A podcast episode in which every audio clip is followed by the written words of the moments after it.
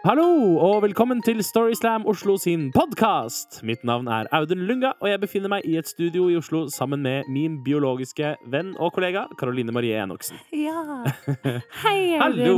Hei. Lenge siden sist. Ja, lenge siden sist. Nå er det lenge siden vi har sluppet en podkast. Ja, det er det. Litt podkastpause. Det har vært en liten podkastpause. Ja. Det er veldig beklagelig. Hva har du fylt tiden med, Karoline? Jeg har jo fylt tiden med eh, annen jobb, da. Annen jobb? Ja. du, du har mer jobb du, enn bare podkast. Uh, Storyslam-podkasten. Jeg jeg har andre jobber enn deg, ja. Ja. ja, for jeg har jo egentlig bare sittet i et mørkt rom og ventet Ja. OK, ja. siden forrige podkast. ja, ok. Men, uh, ja. Men da er du dritklar nå, da. Superklar. Jeg er litt Ja. forkjøla, men det går bra. OK, det går bra. Vi skal høre noen fortellinger i denne podkastepisoden, Audun. mm -hmm. uh, som begge har det til felles at de handler om hemmeligheter som fortellerne bar på i ungdommen. Og den første fortellingen vi skal høre, den ble fortalt på et liveshow som vi hadde i Teaterkjelleren i Oslo den 24. september. Da hadde vi et show som handlet om kjærlighet. Ja. Det var veldig hyggelig. Å, det var så koselig, det. Eh, og da fikk Vilde Bratland Hansen eh, Hun avsluttet showet med denne fine og viktige fortellingen.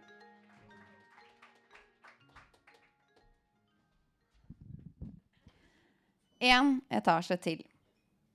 Føttene brant i skoa, og leggene verka, og lufta var klam da jeg tok sats en siste gang. Trappetrinnene virka både høyere og lengre nå som jeg nærma meg slutten av økta.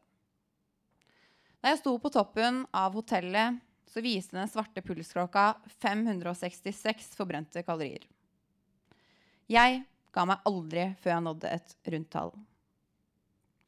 Jeg visste basert på tidligere treningsøkter at jeg ville passere omtrent 600 kalorier hvis jeg hoppa omtrent tre etasjer til, og bega meg derfor på tur ned trappene igjen. Det verste med ekstraøktene var frykten for å bli avslørt. Frykten for at en lagvenninne eller en fra trenerteamet skulle se meg og si at jeg var sjuk. Si at jeg trengte hjelp. Men det siste jeg trengte, var hjelp. Blikkene som stirra på de kokte grønnsakene jeg spiste til lunsj, visste ingenting om hvordan det hadde vært å miste kontrollen. Hvordan jeg hadde gått opp mange kilo da jeg gikk opp på videregående. Da jeg nådde toppen av hotellet en siste gang, så viste pulsklokka over 600 forbrente kalorier, og jeg følte meg som en fighter. Sifrene på klokka fortalte meg alt jeg trengte å vite. Og akkurat nå så var det faktisk bare tallene på klokka og trappene som viste at jeg dugde til noe.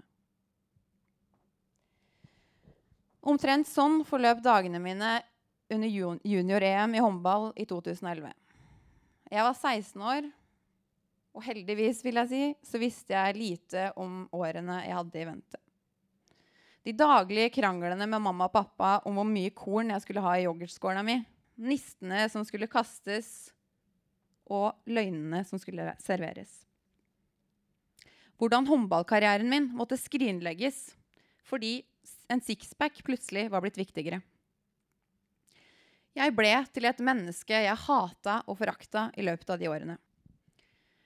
Og jeg var egentlig ganske forberedt på at det kom til å bli sånn resten av livet mitt.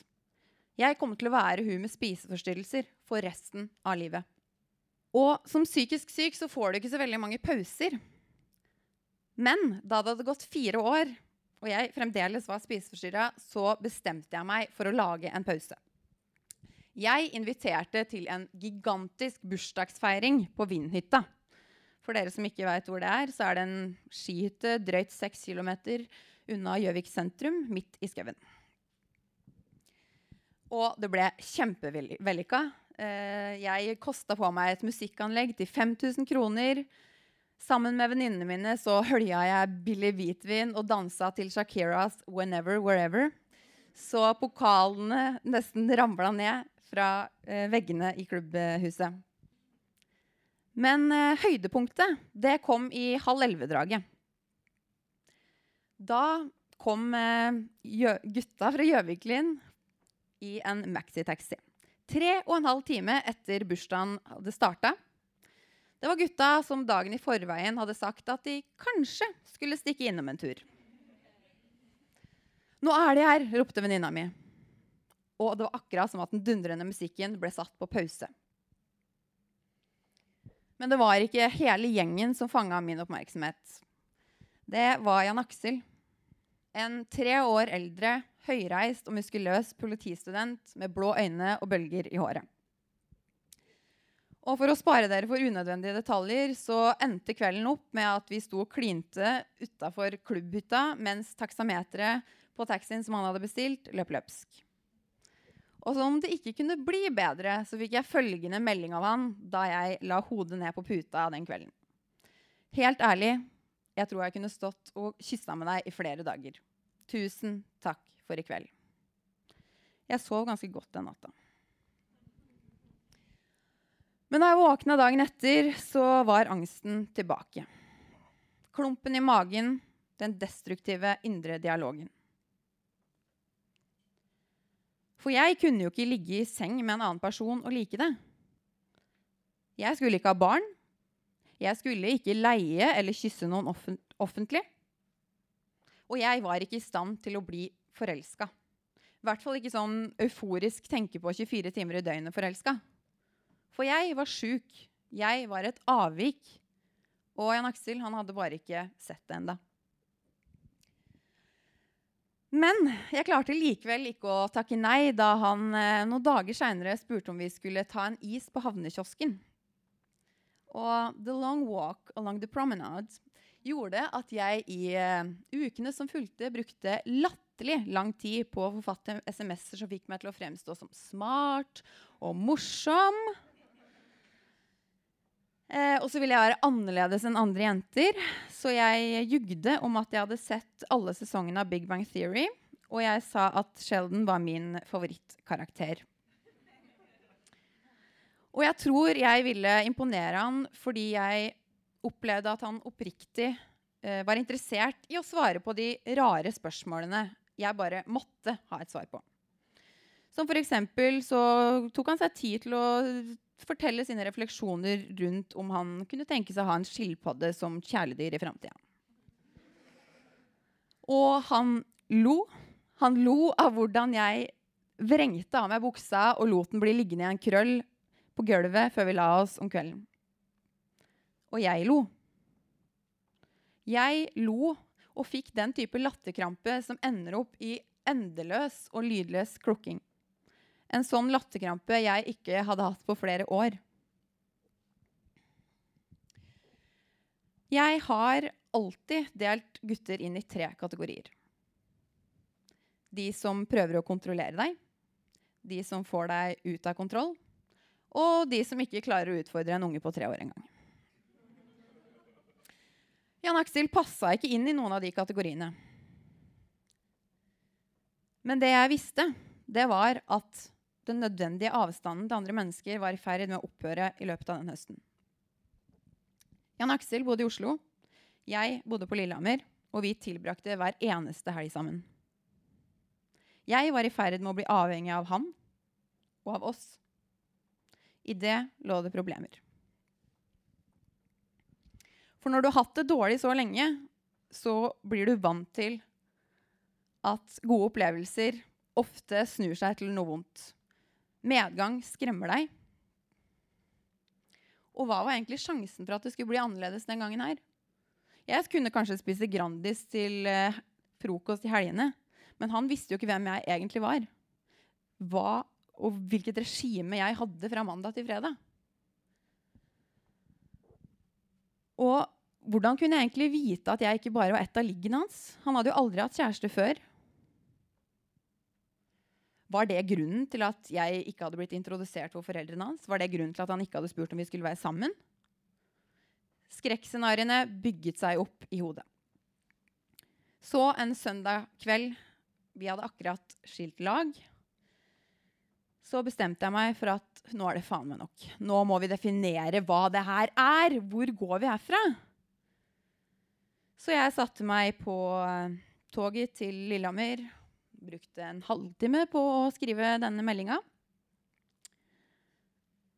Tusen takk for en fin helg. Men det her er vel for godt til å være sant? Spørsmålstegn. Spørsmålstegnet vil gjøre susen, tenkte jeg. SMS-en var spørrende uten å være for konfronterende. Jeg la fra meg telefonen, satte meg tilbake i togsetet og fant fram jussboka Jeg skulle lese om pliktdelsarv. Det gikk til helvete.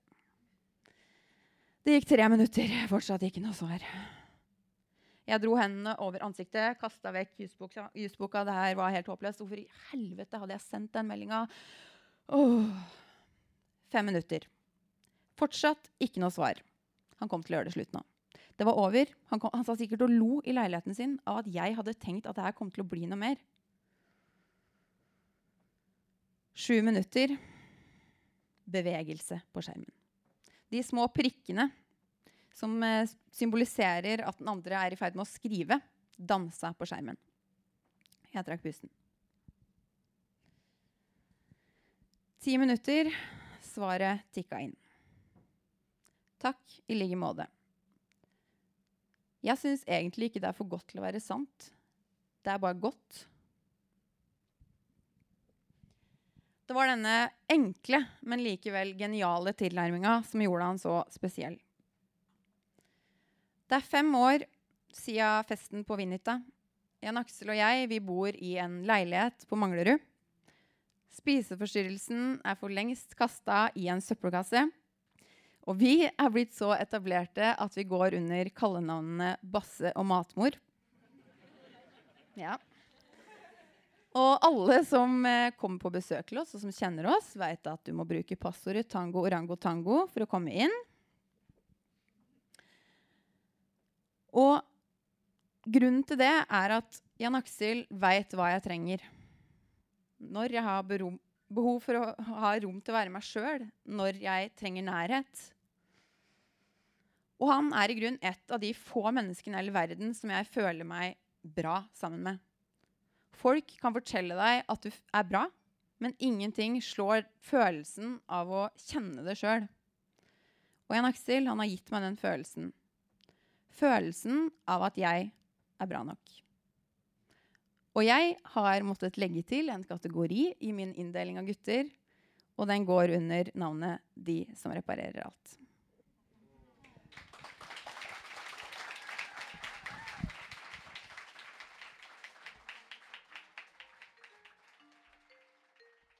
Tusen takk til Vilde. Neste forteller eh, han deltok eh, i en av våre liveshow eh, på Kulturhuset i Oslo den 2. september. Og det var en konkurranse, og den vant han med Ja. denne fortellingen. Det gjorde han. Ja. Og det er ikke så rart når man hører denne fortellingen her. Han tar oss blant annet med til sitt første møte med Elverum ungdomsskole. Her kommer Helge Langerud Heikela.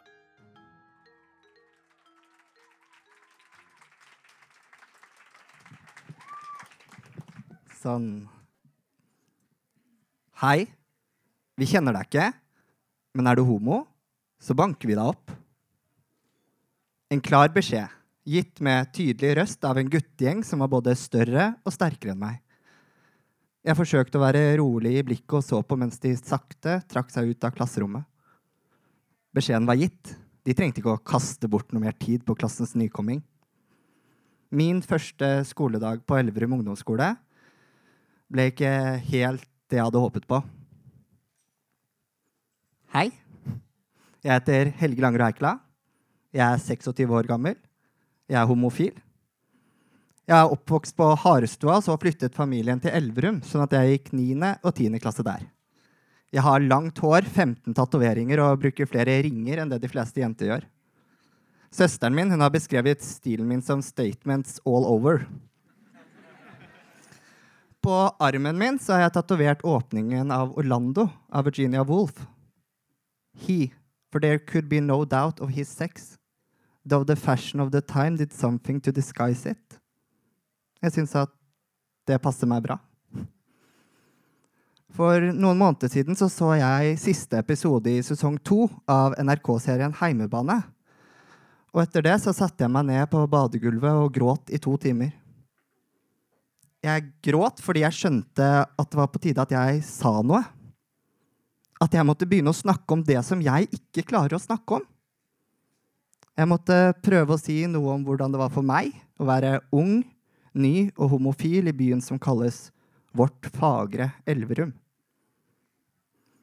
Når jeg sier Elverum, tenker kanskje dere et bitte lite sted. En rundkjøring på vei opp til Trondheim eller Trysil, men Elverum ungdomsskole det var Norges største ungdomsskole. En enorm mursteinsbygning på fire etasjer, og helt øverst i midten der var klasserommet til 9CD2. Der var det klasserommet jeg skulle tilbringe mye tid de neste to årene. Jeg fant meg en pult bakerst i hjørnet. På Norges største ungdomsskole så hadde jeg den pulten som var lengst unna noen nødutgang. Det var et perfekt sted for en ny elev som bare ville ta inn stemninga og se hvordan ting fungerte. Men det var også et perfekt sted om noen ønsket å sperre deg inne. Med en gang den guttegjengen kom inn i rommet, så skjønte jeg at disse ville markere seg overfor meg. Hei, vi kjenner deg ikke, men er du homo, så banker vi deg opp. Jeg hadde akkurat begynt å komme ut av skapet. Jeg hadde fortalt det til noen der jeg bodde før, men på ti sekunder så ble den skapdøra slengt igjen. På ti sekunder så endra jeg personlighet til noe jeg kom til å være de neste to årene. En livrett liten gutt som skalv sånn her på hendene under framføringer, og som ikke turte å bli kjent med nye folk. Jeg gikk ned en hel karakter i snitt fra 8. til 9. klasse, og i perioder så var det vanskelig å spise også. Men det er en annen historie. Jeg har sett de der klistremerkene med 'Knus homolobbyen' ett sted. Det er i Elverum, og to ganger så har jeg opplevd ubehageligheter på byen knytta til legningen min. Begge gangene i Elverum, enda jeg kan telle på én hånd antall ganger jeg har vært ute i E-Town. Ja, jeg liker å kalle Elverum for E-Town. Jeg har ikke opplevd noe sånt andre steder, så det er jo bra. Når jeg så siste episode av Heimebane, så og her sånn, må man si sånn at det er spoiler alert, hvis noen ikke har sett det. Uh, uansett, der er det sånn at vårt kjære Varg vinner cupfinalen i fotball. Og keeperen Kasper han er den store helten. Han har en strafferedning og en hurtig igangsetting som fører til vinnermålet. Og etterpå så stormer journalistene til og spør om han skal feire med noen spesielle. Og han sier at nei, for kjæresten hans kunne ikke komme, for han hadde eksamen. Hva sa du nå? spør journalisten igjen, og Kasper gjentar at nei, han kunne ikke komme, for han hadde eksamen. Jeg ble så grepet av den måten å komme ut på. Å bare si det sånn rett fram, som om det ikke koster noen ting. Samtidig som jeg ser at det koster alt. Og jeg begynte å tenke tilbake på når jeg spilte håndball i Elverum, og alle de treningene, alle timene i garderoben og kjøring til og fra bortekamp, så hørte jeg aldri en eneste kommentar i homofob retning. Vi hadde en garderobekultur man kunne være stolt av. Men nå ble jeg aldri kjent med de gutta. En kommentar på første skoledag hadde sørga for det, men, men jeg kunne ønske at jeg ble kjent med de. De virka som jævlig bra folk. Om jeg hadde stått fram, så er jeg sikker på at de hadde støtta meg også. Jeg bare Jeg klarte ikke. Hei. Jeg heter Helge Langerud Heikela. Jeg er homofil. Det er en setning det fortsatt koster meg litt for mye å si høyt. Jeg er Oslo-gutt, og jeg er Elverumsing. Men når jeg bodde i Elverum, så savna jeg rollemodeller. Noen som representerte noe annet. Hvor var min keeper Kasper når jeg trengte han? Fortid er fortid, og det hører med til historien at når jeg fikk min første kjæreste, så var også han fra byen ved Glomma. Hjembyen min. Elverum. Sånn at homofile finnes jo der òg. Jeg syns at det er en fin tanke. Når det ble slutt mellom oss to, så opplevde jeg min første kjærlighetssorg. Eller Jeg trodde at det var min første. Når jeg tenker over det nå, så var nok det min andre kjærlighetssorg. Min første opplevde jeg mange år tidligere. Den ble gitt til meg av en guttegjeng med større muskler enn hjerne. En gjeng som sa at her kunne ikke jeg elske den jeg ville for det ville være farlig for meg. Den gangen så brukte jeg to år på å komme meg igjen, og det er først nå, nesten ti år senere, at jeg klarer å snakke om det. Om min første skoledag på Elverum ungdomsskole. Hei. Vi kjenner deg ikke. Men er du homo, så banker vi deg opp.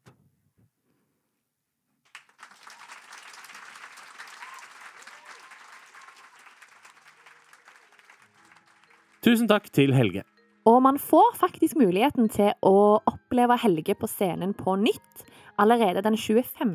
november i høst på Rockefeller i Oslo, der han skal stå på scenen med en ny fortelling på vårt Grand Slam-arrangement. Yes, Grand Slam, som er vårt finaleshow som vi har hvert år, hvor vi inviterer vinnere og finalister til å konkurrere om å være best av de beste Ja, for 2019. det, og det blir så grand. Å, vi gleder oss masse, og Ja. vi slår på alle stortrommer. Og Ja. Med alle trommestikker vi har. ja, jeg leter i kjelleren etter flere trommestikker, fordi jeg er så gira på å spille trommer. Vi skal uh, gjøre dette så stort og flott som vi kan. Ja, og det kommer veld, veldig mange eh, kjente sosietetsfolk. Hva sier du for noe? Sosietet? Sosietetsfolk, ja. Ja, Sjaman Durek kommer. Ja, Vi har i hvert fall sendt ham noen astrale henvendelser. Han Ja. har ikke svart på dem, men Nei. eh, vi tror han kommer. Ja. Eh, hvem andre kommer? Olaug Bollestad kommer. Bollemor kommer. Ja, for å re representere KrF. Ja, Ja, det er viktig. Må ha en tilstedeværelse, de Ja. også. Eh, Hadin Njai Ja. kommer. Ja. Trond Giske slipper ikke inn i døra. Han er svartelista på Rockefeller, men eh, hun kommer. Ja, hun kommer. Sammen med Petter Northug. Petter Northug, ja. Hvis han rekker det. Han skulle gå på ski fra Trondheim, så han, eh, vi får se om han Ja, men det går sakte unna, vet du. Tor Mikkel Wara har sagt at han kommer. Ja, han har sagt det, Ja, ja. eh, Han sier at han har fått innbydelser i posten, han og familien Tybring-Gjedde. Vi kan ikke huske å ha sendt dem, Nei. men han kommer. Ja da, Med en pluss én. Of course. Ja, men som du skjønner, så, så blir dette vilt. Yes. Det blir the place to be. Oh, yes. 25. november Oh, yes.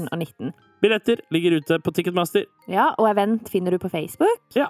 Ja. Og så kommer vi sikkert til å legge ut noen greier i sosiale medier. Åh, om vi gjør. Yes.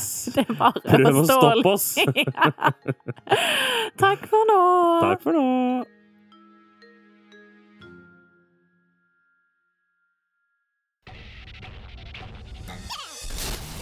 Monster.